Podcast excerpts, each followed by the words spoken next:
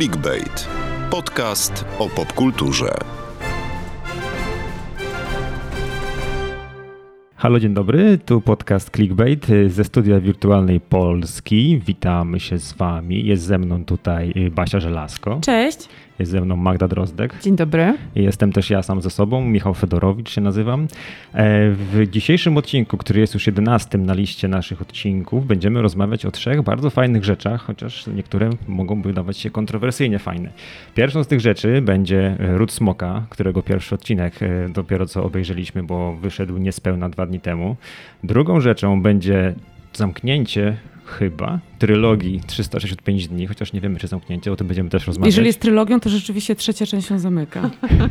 Ale tak. nie w Polsce. Ale nie w Polsce. A ostatnią rzeczą będzie Brad Pitt. Y, zobaczymy, co z tego wyniknie, jak potoczy się dalej kariera Brada Pitta, no bo tam się zrobiło niewesoło, chociaż karierę miał do tej pory e, bardzo fajną.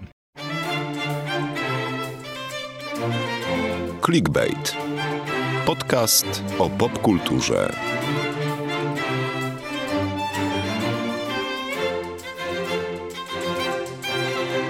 Smog wylądował, 10 milionów widzów mm, obejrzało pierwszy odcinek w wieczór. Jest to rekord, jest to rekord HBO, bo rzeczywiście to jest największa y, premiera produkcji HBO. 10 Wszystkim opadły szczęki, przynajmniej moja opadła. Już wam opadły, ale ten sukces HBO, można to już za sukces, że, czy, że po tym e, jak sezon ósmy Gry o Tron e, zakończył się wielkim rozczarowaniem i tak dużo ludzi po niego sięgnęło z ciekawości, czy raczej z, takiego, z takiej chęci kontynuacji przygodą z Gry Tron. Jak sądzicie? Bo ten pierwszy sezon, y, pierwszy odcinek zbiera naprawdę fajne recenzje. Ja mam Ale kilka strzałów, twoją. jeżeli chodzi o, o, te powody. Po pierwsze z ciekawości, po drugie z hypu, bo rzeczywiście mhm. HBO postarało się, żeby zrobić wokół tego y, dużo bazu.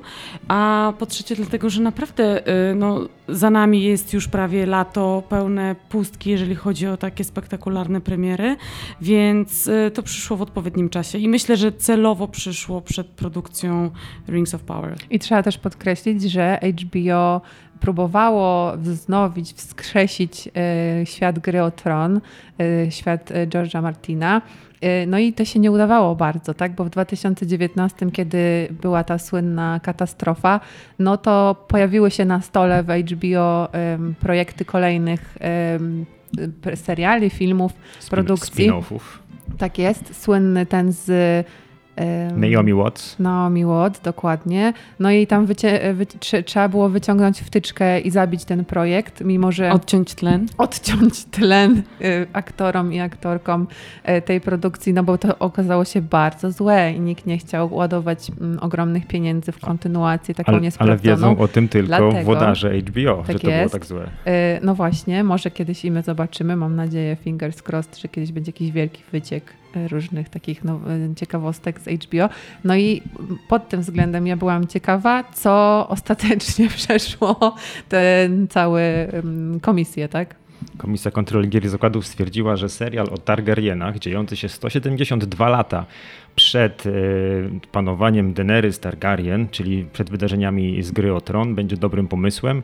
No i pokazanie historii jej rodu, jak poszczególne, e, nie wiem, poszczególne gałęzie tego drzewa genealogicznego ponoć walczyły między sobą, bo tutaj tak, tak ten serial ma być troszkę mm, imitu, imitujący tę całą taką sferę gry o tron, która najbardziej interesowała widzów, czyli wojny rodów, wojny, wojny, wojny mm -hmm. osób, no tak. wojny, wojny, wojny pokoleniowe, grę o tron. Czy, tak. tu, czy, tutaj będzie gra o tron? Po pierwszym odcinku to nie wygląda e, jakby to miała być gra o tron, tylko właśnie bardziej taka rodzinna saga pełna tak, nie, intryg. a moim zdaniem gra o tron, pięknie rozrysowana. Ale tutaj e... jest z tą różnicą, że wszystko będzie właściwie w jednym rodzie. No I, tak. e, I często pojawia się to po, porównanie, ponieważ jest ono takie super zgrabne, że to jest taka sukcesja ze smokami. Haha, i wszyscy się śmiejemy, bo to jest super. E, tak, ale jak, e, bo, bo byłam, e, byłam e, na spotkaniu z Ryanem Kondalem, który jest reżyserem, jest twórcą Rodu Smoka i on powiedział, że chciał pokazać ludziom, za czym w pierwszym odcinku Gry o Tron tęskni Daenerys, za czym ona tak wypatruje przez to wąskie morze, o czym myśli, myśląc, że coś straciła i że ród smoka ma pokazać widzom, co straciła Daenerys.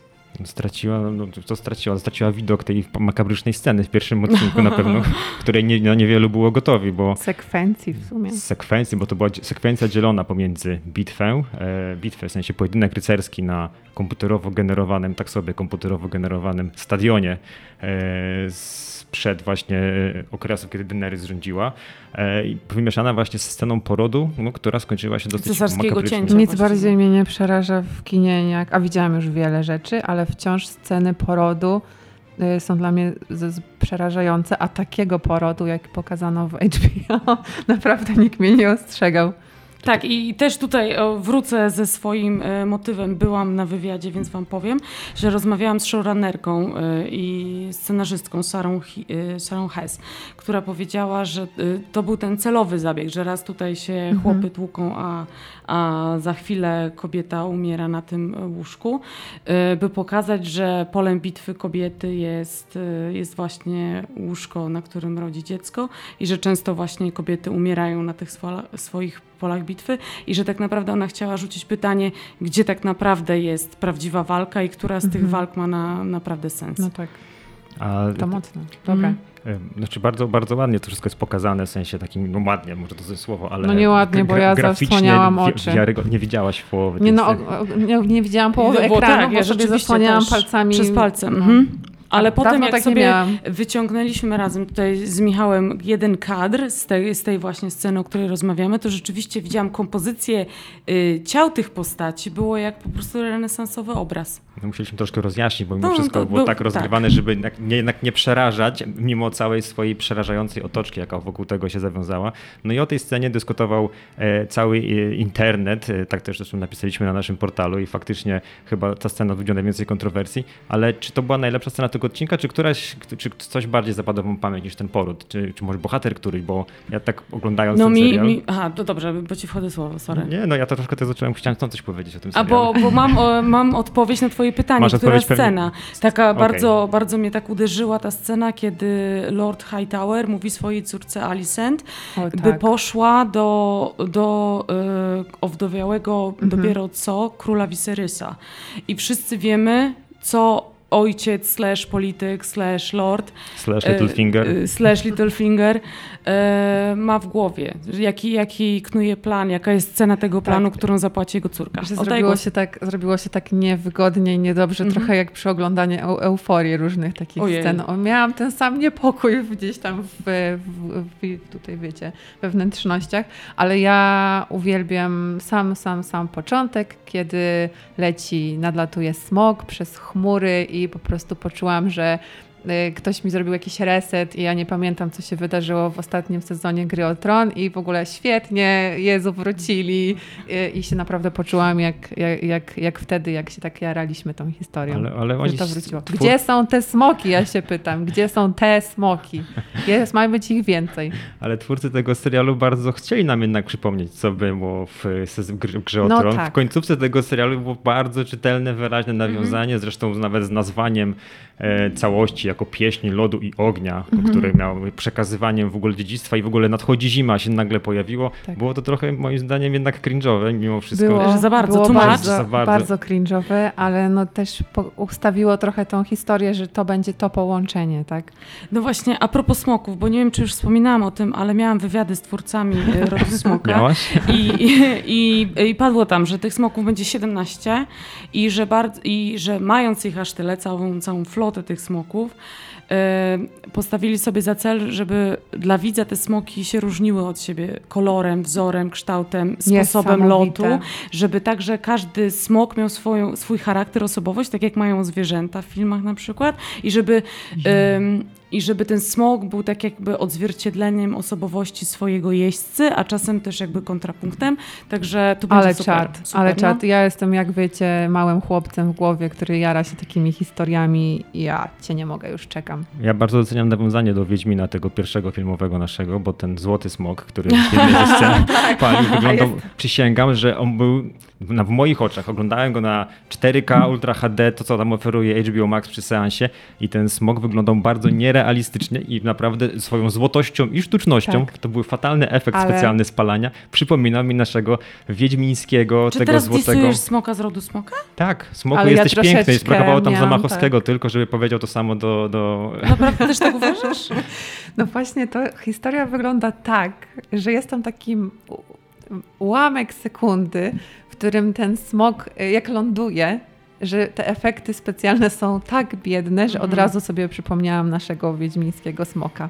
No widzicie, to czyli można mieć nie- nieskończenie wielki budżet, no może nie nieskończenie, nieskończenie wielkie to miał Amazon do swojej Władcy Pierścieni, ale można mieć duży budżet, można zaplanować tą, tą, ale jednak y, smoki kręcone w dzień, no nie wyglądają tak dobrze jak te bitwy smoków, które toczone były nocą, kiedy można było zamaskować sobie y, różne tam, nie wiem, nie- niedociągnięcia, bo właściwie nie wiem jak wyglądały smoki. No. No właśnie, bo mówimy, czy wygląda realistycznie, czy nie. To tak jak kiedyś był zarzut, że zdjęcie Yeti jest niewyraźne, więc e, no nie wiem, może, może prawdziwe smoki, które nie istniały, wyglądały właśnie tak. No ale właśnie, Rozmazane i wpik- Właśnie rozpikselowane. Ale nie ja, nie, ja nie miałam takiego wrażenia, ale rozumiem, Ale że... większy chyba problem mamy z obsadą, nie? Czy nie? Mamy większy problem z obsadą? Ja nie mam żadnego problemu. tak. no mi się w obsadzie podoba Rys Ifans, który gra Lorda Hightowera, a Rysa Ifansa znamy z No Notting tak. Hill i Tak. I Spike, to chyba się nazywał Spike, który był najlepszą To postacią było w ogóle tak, siedzę, oglądam ten ród smoka i oni tam wszyscy tam po ciemku i tacy smutni. Ja nagle patrzę, nie wierzę, to jest ten typ z Notting Hill, który chodzi w samych majtkach i, i Tak. goglach do pływania.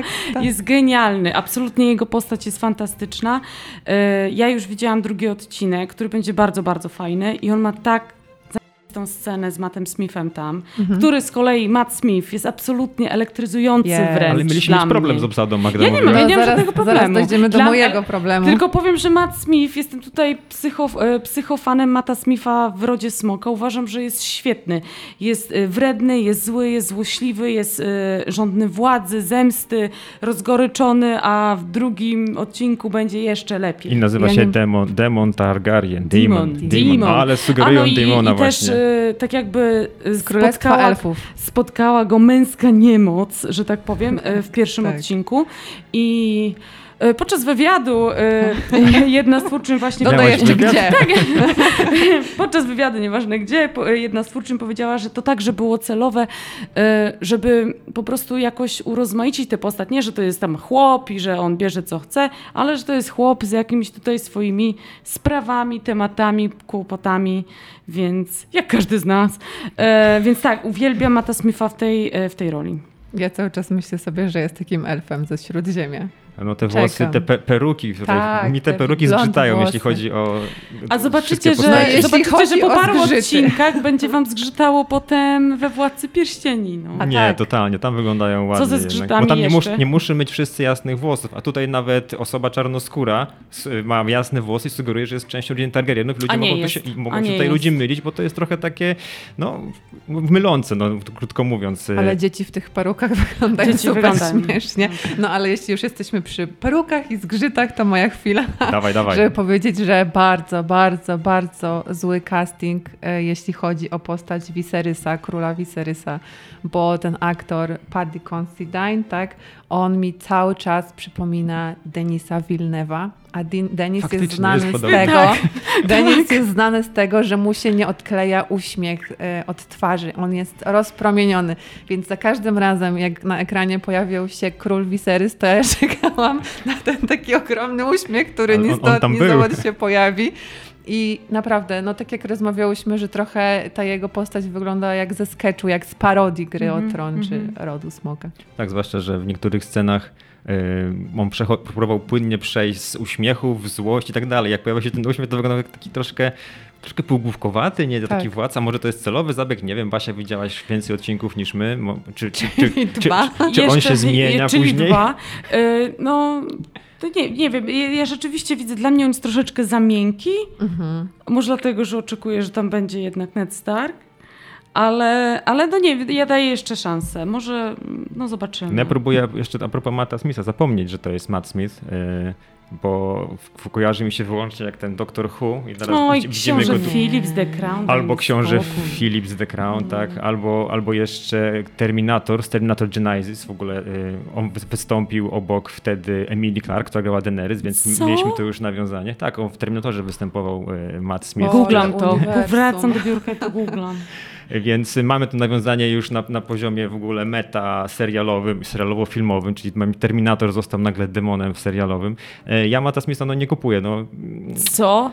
Jest demoniczny, ale moim zdaniem jest to taka no, nuta takiego zgrzytu. On gra troszkę takiego lekko, prawie że skacowanego, troszkę, trochę zdenerwowanego, trochę takiego zbazowanego próbuje coś z tą postacią zrobić, może dalej będzie lepiej, natomiast no, widzę, że sili się na tą demoniczność. Nie, nie wynika ona wyłącznie z jego aparycją, próbuje jakimiś hmm. takimi ruchami, gestami, no ja nie do końca jeszcze tę postać ale, kupuję. Ale jeszcze nie do końca wiadomo, czy to będzie demoniczna postać. No jak? No takie ma imię? No nie, ale ta relacja z, z Reinyrą taka jest mięciutka na razie. A właśnie, a propos niej.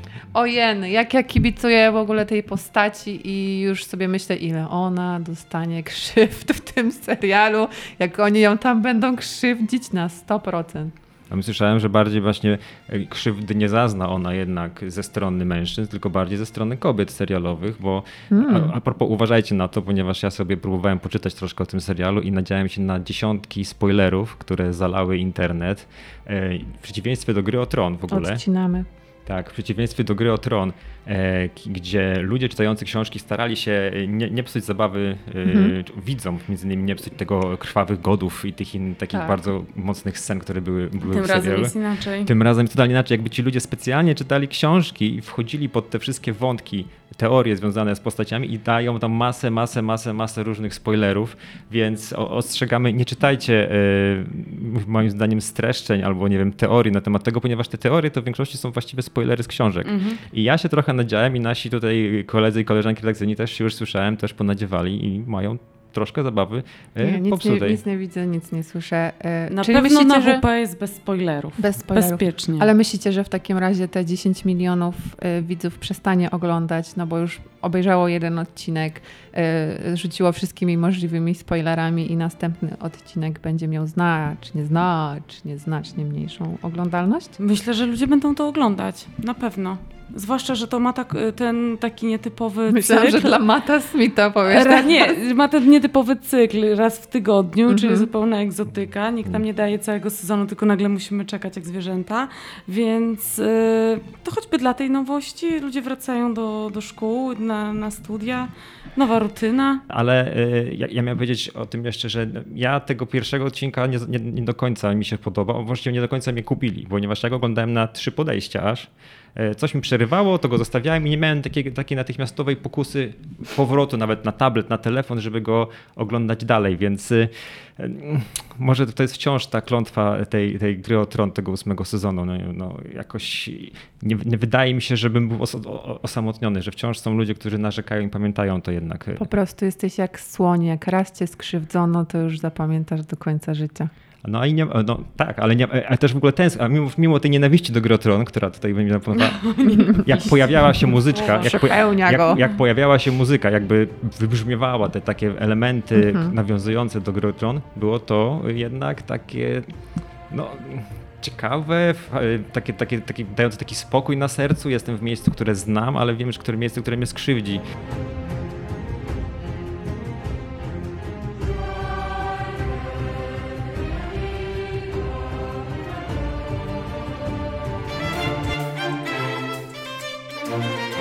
Clickbait. Podcast o popkulturze.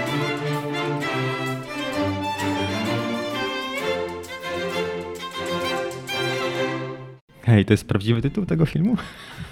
Kolejne 365 dni, czy, czy scenarzyście tak bardzo się nie chciało i produkcji? O, jeszcze będziemy mówić o lenistwie scenarzystów 365. Ale tak, to prawdziwy tytuł. Kolejne 365 dni. Ale cieszę się, że Magda mówiła o tym, że wewnątrz jest tak naprawdę małym chłopcem, bo... No, nie, to jest zły kto inny, kto inny kochałby ten ten e, styl erotyki przedstawiony przez Lipińską na ekranie. To nie. Lipińska przedstawiała na ekranie, ona tylko napisała książkę nie, nie, nie, na bazie, której... Blanka uczestniczyła aktywnie w nagrywaniu wszystkich filmów. I widać to w każdej scenie. No ale jak czytając książki Blanki też macie przed, przed uszami Przepraszam, mu- muzykę. zakładasz, że czytałyśmy książki Blanki? No, Ja przygotowując się do podcastu, Magda, Coming Magda przeczytała wszystkie części, Nie wszystkie jedno starczyła mi. ale czy ta jedna część to jest jeden film, czy jak to Tak, tam- tak, Aha, czyli to jest tak. na bazie trzeciej książki powstał epilog do drugiego filmu. E, to mówi się, że czytałem w internecie e, na Twitterze niejakiego Quentina, który też pisze recenzje filmowe, pisał, że to jest najdłuższa scena po napisach e, w historii kina, ponieważ jakby ta, ta, Tak. tą część da się streścić jednym zdaniem, a zrobili z tego półtora godziny, półtora godzino 53-minutowy film o właściwie tym, że kobieta nie potrafi wybrać między jednym a drugim mężczyzną i cały czas ma jakieś wątpliwości, a poza tym śpi. Tak mniej więcej No można i tak, streścić. Dużo dużo fantazjuje. Dużo fantazjuje. E, Basia, wiem, że próbowałaś policzyć. e, Tak, włączyłam 365, włączyłam stoper, ponieważ y, sobie dałam takie zadanie, żeby zmierzyć, ile trwają dialogi w tym filmie. I dialogi w tym filmie, który trwa y, dwie godziny bez dwóch minut, trwają 35 minut. I byłam naprawdę łaskawa, bo za dialog uznałam też Laura, Laura oraz To jesteś monolog. taka Chlopotanie? mokra. Chlopotania już nie, ale słowa jesteś taka mokra, także uznałam za dialog. Dzięki czemu mamy 35 minut y, słów. Cała reszta jest wiadomo czym. No tel, jest to teledysk bardziej Mhm. i to się powtarza. Y, druga część właściwie też była tylko teledyskiem uzupełnionym dialogami. I tak poczytałam sobie recenzję, bo bardzo ciekawie na przykład o 365 mówią, piszą krytycy z Niemiec. I tutaj na przykład jeden e, krytyk e, stwierdził, że film jest tak zły, że 50 twarzy Greya wypada przy tym jak sztuka wysoka. A Okej. inny, Bardzo że jest grzeczne. to film zbyt apatyczny na film porno i zbyt za bardzo pozbawiony emocji na film romantyczny. Tak, to nawet nie może być porno, bo porno z definicji pokazuje genitalia. Tutaj spoiler, nie, nie znajdziemy ani jednego. Genitaliów nie ma, a pierwsza nagość pojawia się w 40 minucie filmu. Ale seks pojawia się eroty- szybciej niż Seks nagość. jest szybciej, ale seks jest w No ubraniach. ale nie można, bo Laura jest po ciężkiej strzelaninie z Nataszą A Urbańską. czego, y, czego ślad jest w postaci jakoś 5-centymetrowej zagojonej, blizny. zagojonej blizny. Więc nie wiadomo, kiedy te 365 dni się właściwie dzieje, po jakim czasie. Czy po 60 dniach, czy kolejnych 365 Jeszcze, dni. jeszcze a propos tych dialogów, bo tak sobie pomyślałam, że e, jakoś tak nawet twórcy już nawet przestają udawać, że to jest czymkolwiek innym niż tym, czym jest. No i, ale ktoś tam czasem próbuje przebąkiwać, zwłaszcza chyba się ludzka, o tym, że tutaj kobiety silne, niezależne. O, miałam wywiad. O, Magda, czy miałaś Samodzielne. Czekaj, wywiad? tylko dokończę to zdanie. No więc y, zrobiłam, jak już mamy te, te dialogi, to zrobiłam, przeprowadziłam bardzo prosty test, który nazywa się test Bechtel test. y, Bechtel test. I ten test polega na tym, na takim y, sprawdzeniu, czy naprawdę film oddaje głos kobietom, czy, czy kobiety prowadzą A jak to narrację. się sprawdza? żeby go, żeby go zdać, że dany film, produkcja, scena musi mieć po prostu dialog dwóch kobiet, najlepiej takich, które mają imiona i żeby ten dialog nie dotyczył mężczyzny. I będziecie super zaskoczeni, nasi słuchacze, jeżeli sobie zrobicie ten test jakiejkolwiek produkcji, bo jak się okazuje, dwie kobiety z imieniem mówiące o czymś, ze sobą rozmawiające dłużej niż dwie minuty o czymkolwiek innym niż mężczyzna, to naprawdę rzadkość. W 365 nie dzieje się tak nic. Oni nie mówi, kobie, one nie rozmawiają o niczym innym niż mężczyźni. No, o czym mają rozmawiać, jak jest Massimo i Nacho? No to jest prawda. No właśnie, kiedy zaczniemy mówić o Massimo Inacho, Magda? No to może mówcie dalej. Na pewno bardzo mm, dużo emocji wzbudziła scena. e, Może możemy spoiler no, sprzedać. która? Uwaga, spoiler alert. Jest w filmie scena, w której Massimo Nacho i i i Anna Maria Sieklucka, jak się nazywa jej postać? Laura. Laura. Laura są w jednym Czekaj, pomieszczeniu. zapominam, że mam podłączony mikrofon. Są w jednym pomieszczeniu i są w tym pomieszczeniu bez ubrań i dzieją się tam bardzo różne, Przepraszam, różne Laura rzeczy. ma ubrań. A, no tak, Laura ma ubranie jeszcze śpi, bo to jest sen się okazuje, bo ona cały czas w tym filmie śpi, okej. Ale chłopy nie mają i chłop z chłopem.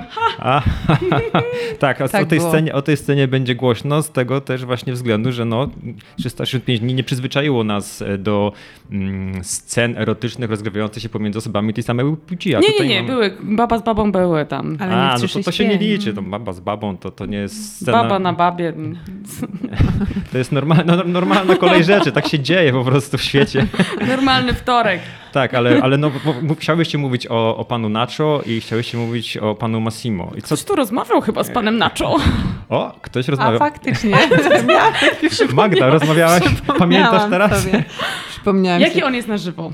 Y, Wysoki, Tak? y, duży, Duży? opalony, y, wyglądał zupełnie inaczej. Aha, Jak- no bo nie wiecie, może ktoś nie wie, że Nacho się zadomowił w Polsce i mówi o W tym, Radomiu. że na Helu akurat, w Warszawie i na Helu i mówi o tym, że Polska jest jego drugim domem i bez Polaków, y, czytaj y, reżysera Tomasza Mandesa i producentki Ewy Lewandowskiej, jego kariera w świecie by mm, prawdopodobnie nie była tak y, gwałtowna, nazwijmy to. Czy ta kariera jest? No, po prostu jest zapraszany do innych produkcji, tylko w Polsce. Czy... Nie, y, 365, y, czyli druga część, bo on się pierwszy raz pojawia w drugiej Czyli części. to był jego następne? pierwszy, no któryś tam y, 365 Dwa. dni, część Ten druga. dzień? Ten dzień. Ten dzień, O, o, ten dzień. tak, y, my ignoranci, loże ignorantów, y, no to, to był pierwszy jego występ przed kamerą. I teraz drugi jest w kolejnej części, czyli w kolejnych 365 dniach, a trzeci w filmie Heaven in Hell, czyli tutaj przejął polski, polską kinematografię. Bardzo się z tego y, Nacho y, cieszy. Podobno jest z, każ- z każdym filmem coraz lepszy. Może, Według może wspomnimy, jak Nacho na, nazywa się naprawdę. Simone Susina.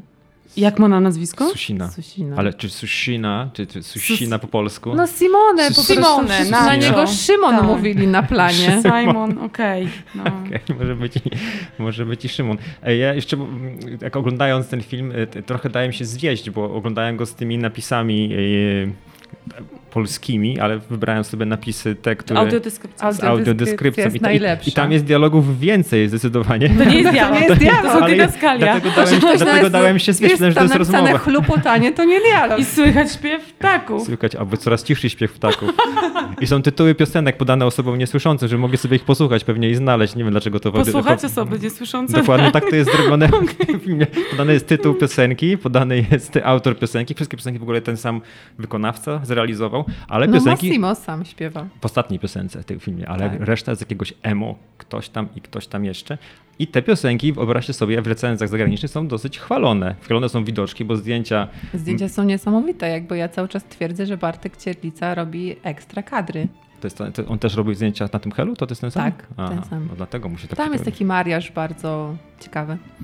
No, no i generalnie ten film jest, robi dosyć dużą furorę, ponieważ obejrzało go No, bo mówimy o Dwa 10 dni. bańkach rodu smoka, tymczasem. tymczasem. Tymczasem Borem Lasem 20 milionów osób obejrzało drugą, trzecią część. A ja sobie sprawdziłem przed samym podcastem, jak to wczoraj wyglądało na Netflixie. Mhm. I wyszło mi na to, że y, jak mamy tam 80 kilka krajów, w którym Netflix jest dostępny, 90. obu nawet już teraz 90, e, tylko w kilku on jest poza pierwszą piątką. I tak, w Japonii jest na miejscu dziewiątym. No totalnie jakby nie zauważyli tego wspaniałego dzieła. E, w Kanadzie jest piąty, Bu. w USA jest czwarty, w Bu! Irlandii trzeci, a pozostałe pozycje jednak pierwszy i drugi. Czyli ludzie chcą ten, y, to, to, to dzieło cały czas oglądać. I więc pytanie pozostaje, czy cliffhanger, który pojawia się na koniec filmu, wskazuje, że będzie czwarta część, To pytanie jest na serio? Na serio jest to pytanie, bo ja nie wiem, czy oni będą to dalej kręcić. Ale najciekawsze w tym wszystkim jest to, że nikt nie ma pojęcia, jak będzie miał, jaki będzie miał tytuł czwarta część, bo nie, ma, nie istnieje czwarta książka, więc a kolejne 365 dni, część druga może nie być Bagna, najlepszym. zapewniam cię, Jeszcze że, jedne 365 dni. że Blanka siedząc w samolocie, lot trwa 9 godzin, Rok Nowy Jork, później. Warszawa, ona już napisała tą część na kolanie tam, na, na chusteczce. Podobno miała pisać y, historię z perspektywy Massimo. A, chce, O, a, o czyli- nie! czyli to trochę Koniec z kobiecą perspektywą, której było tak dużo. Ale mu- muszę wam powiedzieć o jednym takim Michałku, który mi się rzucił w oczy, bo, bo wczoraj obejrzałam właśnie po raz drugi ze stoperem. I ostatni, i że, że a propos lenistwa tych scenarzystów, być może w książce jest tak samo. Jest tam taka super fajna scena, jak Lamparska, czyli Olga, przyjaciółka Laury, mówi się Kluckiej, czyli Laurze, że o, musimy cię y, zabrać do fryzjera. I dzwonią do fryzjera, którym się nazywa Giuseppe. Po czym ileś tam minut później jest scena na korcie, gdzie dostaje służbowy telefon Massimo i tam jest na kogoś zły, jest zły na jakiegoś Giuseppe.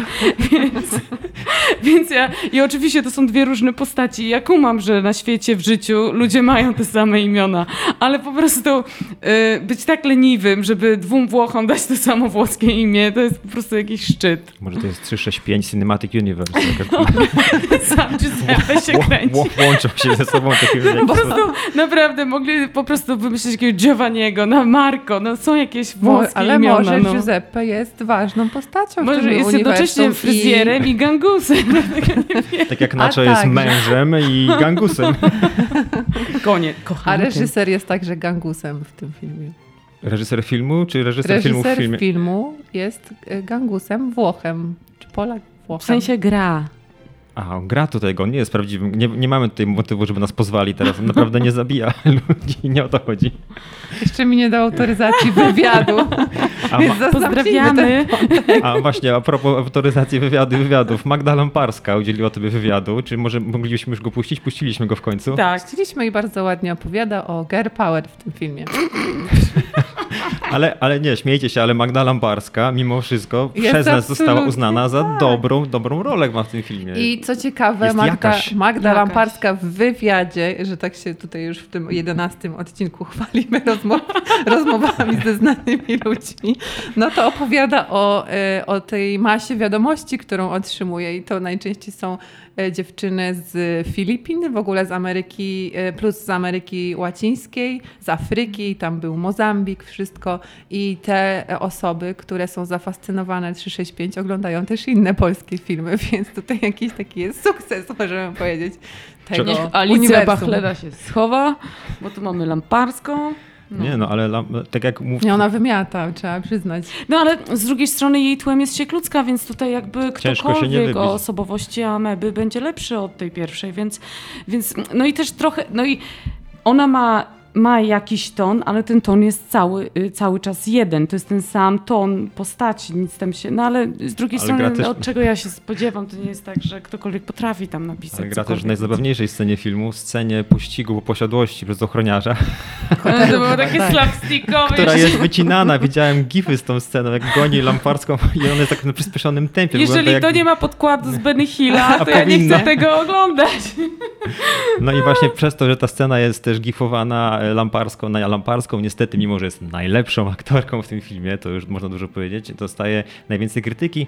E, Tak? Przeczytałem właśnie opinię na MDB i na jej zwraca- zwracana jest największa uwaga, nie nam na to, co się Klucka Ciekawe. robi, czy też Massimo, czy ten Nacho i Ciekawe. tak dalej. Mówią, że she's annoying, low-class alcoholic and adds no value to the film. A, Czyli jest wnerwiająca, słaba alkoholiczka i żadnej wartości dodanej do filmu nie dodaje.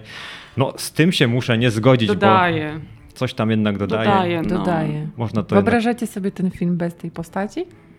O Jezu, po prostu Ale to czy, czy, muzyka, czy te wiatr, dialogi wszystkie to nie są jej w ogóle dialogi? To są ich dialogi. jej i dialogi. Głównie jej. E, no tak, no ale ona musi mieć partnera do dialogów, a rozmawia tylko przez cały film rozmawia tylko z Laurą i, i z, z tym ochroniarzem, przed którym ucieka. Czyli bez niej byłoby tylko I chlupota... barmanem. Bez niej byłoby tylko chlupotanie. I śpiew ptaków. I śpiew ptaków.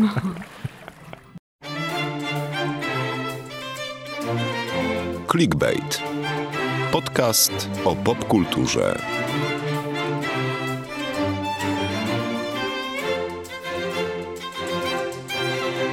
Poprzedni segment skończyliśmy Magdą Lamparską, która gra aktorkę, która gra postać, która pije. I chcieliśmy płynnie przejść do innej postaci. Jaki ładny most. Bardzo ładny bridge nam wyszedł. Do Brada Pitta, który też miał problemy alkoholowe. Dwie oklaski dla mnie za to połączenie. Nie, dobra, nie. Zaskoczyłeś mnie. Nie, nie, nie, to nie idźmy w tą stronę. E, tak, Brad Pitt miał mocne problemy alkoholowe, które przełożyły się później na konflikt z Angeliną Jolie i w ostatnich dniach e, przez to e, troszkę już zapomniane nieco e, śledztwo zrobiła się kolejna afera, ponieważ na światło dzienne e, wyszły zdjęcia posiniaczonej Angeliny Jolie, Mhm. która miała zostać poturbowana w trakcie jakiejś sprzeczki sprzed kilku lat. W samolocie. W samolocie, prywatnym odrzutowcem. W toalecie samolotu. W toalecie samolotu, jeszcze w ogóle. Tutaj też taki most do pierwszej części 365. Okej, to nie jest aż tak śmieszne, jak się wydaje. Ale tak, chodzi o to, że kilka lat temu Angelina Jolie wraz z Bradem Pittem lecieli sobie samolotem. E, Brad Pitt nagle, nie wiadomo dlaczego, przynajmniej nie jest to podane oficjalnie, zdenerwował się na Angelinę, powiedział jej, że rujnuje ona całą tą rodzinę, na Angelinę oczywiście szarpać, potem e, do, Daj nam powiedzieć. Potem super. Myślałam, że odegramy to na głosy. scenkę. No właśnie. Dobrze, e, Basia, zaczął się Kim zaczął się Zaczęli się, się szarpać. Za Zostaw drzwiami, mnie, zostaw. za drzwiami słychać cichy głos prawdopodobnie któregoś z dzieci. Mami, are you okay? No, she's not okay. Ona rujnuje naszą rodzinę. Twoja matka to wariatka. Tak było. I tak wyglądała cała scena, po której wyciekły zdjęcia, które mogą karierę Brada nie, Pitta to nie jest pogrążyć. koniec tej sceny. Nie jest koniec tej sceny jeszcze? Nie, Co się oni, dalej działo? oni się tak turbowali, turbowali w tej toalecie w prywatnym samolocie, y, wyszli z niej i y, wiem. I, ter, i brat, y, rzekomo Brad Pitt ruszył w stronę Maddoxa, Tak. który powiedział, że no, to nie matka jest wariatką, to ty jesteś nienormalny, więc Brad Pitt ruszył z łapami na Maddoxa. Ponoć Angelina ruszyła wtedy na Brada i założyła mu loka na szyi. Na szyję. I, no i wtedy da, dalej do, doszło do Brad szarpaniny. Pitt, jak w scenach akcji, Tak. ni- niczym reżyserowanych przez najlepszych speców od tego, odchyla się, rzuca Angelinę na fotele za sobą, czy na cokolwiek, co było za nią. Y, powstają te wspomniane siniaki. Y, no i tutaj się historia na chwilkę urywa. Później y, Ślad się urywa ślad właściwie. się urywa i niby jeszcze przez 20 minut nie byli w stanie opuścić samolotu mm, przed jakby wyjściem na płytę, bo tam cały czas trwała awantura. Ale ślad się też urywa dlatego, że całą sprawą zajęło się FBI Mhm. i, I- my trochę z tego tak się podśmiechujemy, nie dlatego, że to kpimy z tego, ale też FBI nie znalazło w tym nic złego. Uznało FBI to za zwykłą sprzeczkę rodzinną i nie miało podstaw Tak. do wszczęcia wielkiego śledztwa, ani nie, nie zostały żadne oskarżenia. Po prostu cała sprawa e, zakończyła się rozwodem tej pary, no i troszkę też e, upadkiem tego Brada Pitta, który zaczął iść w inną nieco stronę niż e, znowu rodzina, tylko znowu tam powiedzmy Flaszka. flaszkę na przykład. Tak, bo on też, on też mówił, że to był czas, w którym on Mhm. właśnie się borykał z tymi problemami Tak. alkoholowymi. I też, a, czy to tłumaczy kogokolwiek z bicia kogokolwiek? Absolutnie No nie. nie, rozliczał się, próbował Mhm. się rozliczać. No i teraz mamy po ile tak, sześciu latach, tak? Yy, Nie, nie, sze- sześciu więcej lat. Mamy powrót sprawy. Mówi się, że Angelina po prostu bardzo chce yy, skancelować swojego byłego męża. No ale kariera Brada Pitta, 84 filmy, y, no, dużo, dużo tutaj ma do zaprzepaszczenia, do, stra- do stracenia, więc y, no, jak, jak duże jest to zagrożenie? Czy to jest realne w ogóle, że możemy o Bradzie Pitcie zapomnieć, że, że, że Brad Pitt podobnie jak Kevin Spacey zejdzie w zapomnienie? Czy to... Zrobiło się na pewno, no, zrobiło się gorąco około 4 liter Brada Pitta, kiedy wyszły te zdjęcia na jaw, Mhm. e, bo one są autentyczne, one są, one są z akt jakiejś No sprawy. Tak, tak, tak. Nie jest dowód na cokolwiek, bo to nie ma jeszcze procesu ani postępowania procesowego, ale to już zaczęło trącać różnymi innymi historiami znanych ludzi oskarżonym o pobicie. A że mieliśmy przykład Mhm. Johnego Deppa i Amber Heard, tutaj już się zaczęło robić niefajnie. No ale jak pamiętamy, ten proces y, bardzo głośny, widowiskowy, szeroko transmitowany, no skończył się pomyślnie dla samego Johnnego Deppa. Przynajmniej tak można było odebrać. No na pewno nie skończył się dla, źle dla Mhm. jego kariery, bo Johnny Depp e, wraca nie tylko do reklamy, ale też do nowych projektów filmowych. Było kilka ostatnio ogłoszonych i to jest odpowiedź na twoje pytanie, czy to zakończy karierę Brada Pitta? Nie. Ale może, może warto też rzeczywiście jeszcze na, na troszeczkę y, powrócić do tego y, konfliktu Angeliny i Brada, zwłaszcza, że tu na karteluszce mam wypisanych parę faktów. Słuchamy. E, bo to nie jest jedyna publikacja, którą mieliśmy ostatnio na WP na ten temat, bo raz, że tam te, te, te szarpanina w tym samolocie, a dwa, że oni mają, oni kiedyś, lata temu, tu jest napisane, w 2008 roku kupili taką wielką posiadłość we Francji, gdzie jest zamek, ogród, winnica, jednocześnie ta winnica, która rzeczywiście funkcjonuje i produkuje własne Tak. całkiem, własne całkiem wina. Nieźle, tam Chateau są Miraval. Grube miliony. Są grube miliony, oni się tam zakochali z miejsca w, tym, e, w, tej, w tej lokalizacji. To tam właśnie wzięli ślub w prywatnej winnicy, e, kaplicy, przepraszam, w 2014. Prywatnej Po dwóch latach oczywiście było po wszystkim, ale oni byli e, e, jakoś tak notarialnie mm, zobowiązani do tego, że nie mogą sprzedawać swoich udziałów w tej całej e, nieruchomości osobom postronnym, że ta druga strona ma po prostu prawo pierwokupu. Tymczasem Angelina środkowy palec i co zrobiła? Sprzedała swoje udziały, nie wiem czy całe, ale sprzedała.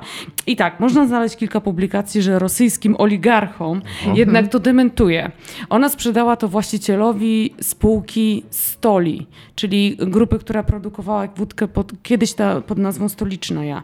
To już oni nie są, oni nie są rosyjską spółką. Sam Putin ich wygnał z Rosji i oni teraz bardzo e, starają się podkreślić, że tak naprawdę są z Łotwy. I też spirytus już nie Oligarchom o sprowadzają. prawie rosyjskim I y, alkohol nie, sp- nie sprowadzają już spirytusu z Rosji. Także no, chciałam tylko po prostu zdementować, że to nie jest tak, że tutaj Angelina ma z ruskimi jakieś kontakty, bo tak nie jest. Ale rzeczywiście brat się tak wkurzył. E, No i zaraz tu do sądu poszedł, żeby nie dać, e, żeby nie udostępniać dokumentów tym nowym wspólnikom i w tym sądzie przegrał. I to jest takie małe kroczki, które tu Angelina robi, żeby go po prostu tutaj Podociskać udupić. Czyli A że była jeszcze historia z domami dla potrzebujących po katastrofie. Po huraganie po Katrina. huraganie Mhm. Katrina. 2005 to jest na kartce wszystko. Domy, które po prostu pochłonęła pleśń. Tak, w 2005 huragan, w 2007 powstaje e, fundacja Brada Pitta Make It Right. Dosyć tak Mhm. ironiczne. E, No i zamierzenie jest super, że tutaj będą znani ludzie, że tutaj będą pieniądze i że to wszystko po to, żeby wybudować 150 domów. To domy będą e, niedrogie w utrzymaniu, samowystarczalne, eko i bezpieczne i tak dalej. E, Nigdy nie wybudowano 150 domów. Te, co wybudowały, to zaczęły, tak jak mówisz Magda, pleśnieć, pojawiać się awarie, one zaczęły zagrażać życiu domownikom, więc posypały się pozwy przeciwko tej fundacji. Fundacja wtedy pozwała architekta. Architekt umył ręce, a Brad Pitt mówił, że on chciał dobrze, nie chciał nic złego. E, W zeszłym tygodniu e, zawarto ugodę ponad 20 milionów odszkodowania. Okej. No to dla Brada Pitta to jest oczywiście nic, no ale, ale wizerunkowo fatalnie. Ale właśnie mam wrażenie, że go wymazują po kolei Tak. z tych wszystkich afer. Że tak jak z tej afery z 2016 i... Tak? 16 czy Tak, 6? 16, 16. 16. E, Tak jak go z tego jakoś tak e, udało się jakby zepchnąć to pod dywan, tak i z tych kolejnych Bradowi Pittowi nic nie jest. Czy nie jest trochę tak, że, że my i my, i tutaj i, i wy, którzy nas słuchacie, jest trochę tak, że po prostu wszyscy tak, Brad Pitt jest taki super, że Ja już w ogóle... właśnie u mnie już nie. Nie? A No, co się no stało? właśnie Czy tak, chodzi że- o Bullet Train? Też, też, to jest jeden z powodów. Najnowszy film Brada Pitta. Nie wiem, patrzę na Brada Pitta i już nie czuję tego, co czuła w latach, nie wiem, tam. Ale ten Brad Pitt też tak ogólnie w ostatnich filmach, w których występował, to tak raczej troszkę sobie śmieszkuje, nie? Ten Bullet Train to chyba jest Właśnie- taka śmiesznostka, bo wcześniej był też w tym filmie jest z Sandrą Bullock i Channingiem Tatumem, to było Zaginione Miasto, coś takiego to było. Mhm. I on tam grał trenera fitness, który był też komandosem, więc w sumie Tak. komediowa rola, komediowa rola. Trochę mi się to kojarzy z Robertem De Niro, który na starość Mhm. zaczął grywać właśnie w takich rzeczach i tą karierę powoli swoją tak rozmydlił i tego, gdzie te role z jego w przeszłości. Przecież on Bo on grał teraz chyba bardziej filmach. produkuje te filmy. A On cały czas, całe życie właściwie był Mhm. producentem, nie tylko ten. On grał wcześniej przecież w 7, 12 małp, wspaniałe, O. wspaniałe role to W ogóle były. nie zaczynajmy, mówię tak od 94, czyli od wywiadu z wampirem gdzieś do 2011, czyli do Moneyball, to ja obejrzałam wszystkie filmy z Bradem Pittem, sprawdziłam No właśnie, jaki jest, 84? wa- jaki jest wasz ulubiony? Moglibyśmy Każdy. się o to pokłócić. Każdy od lat 90. Ulubiona rola.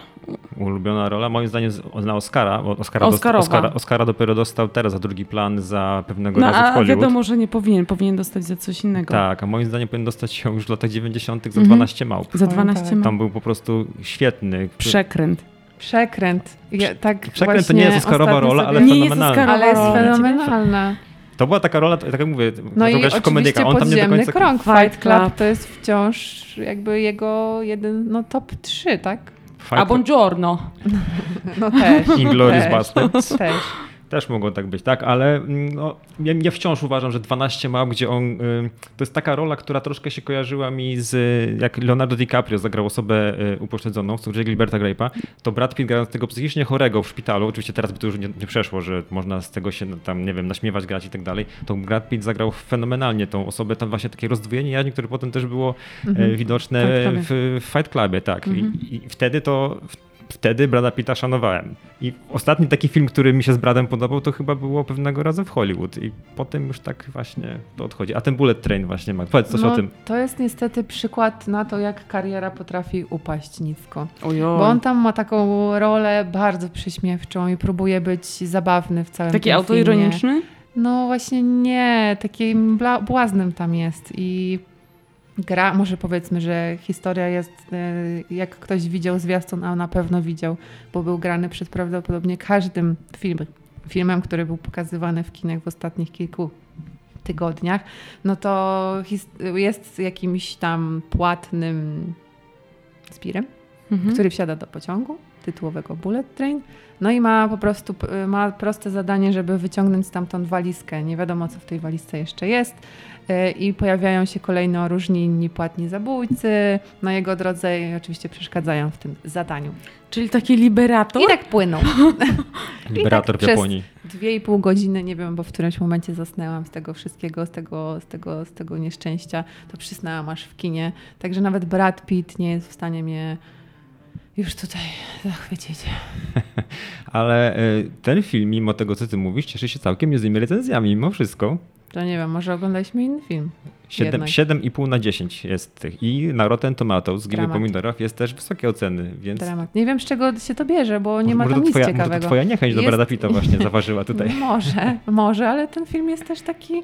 No jest parę, ja przyznam szczerze, że jest parę takich e, scen y, po prostu technicznie ciekawie mhm. nakręconych.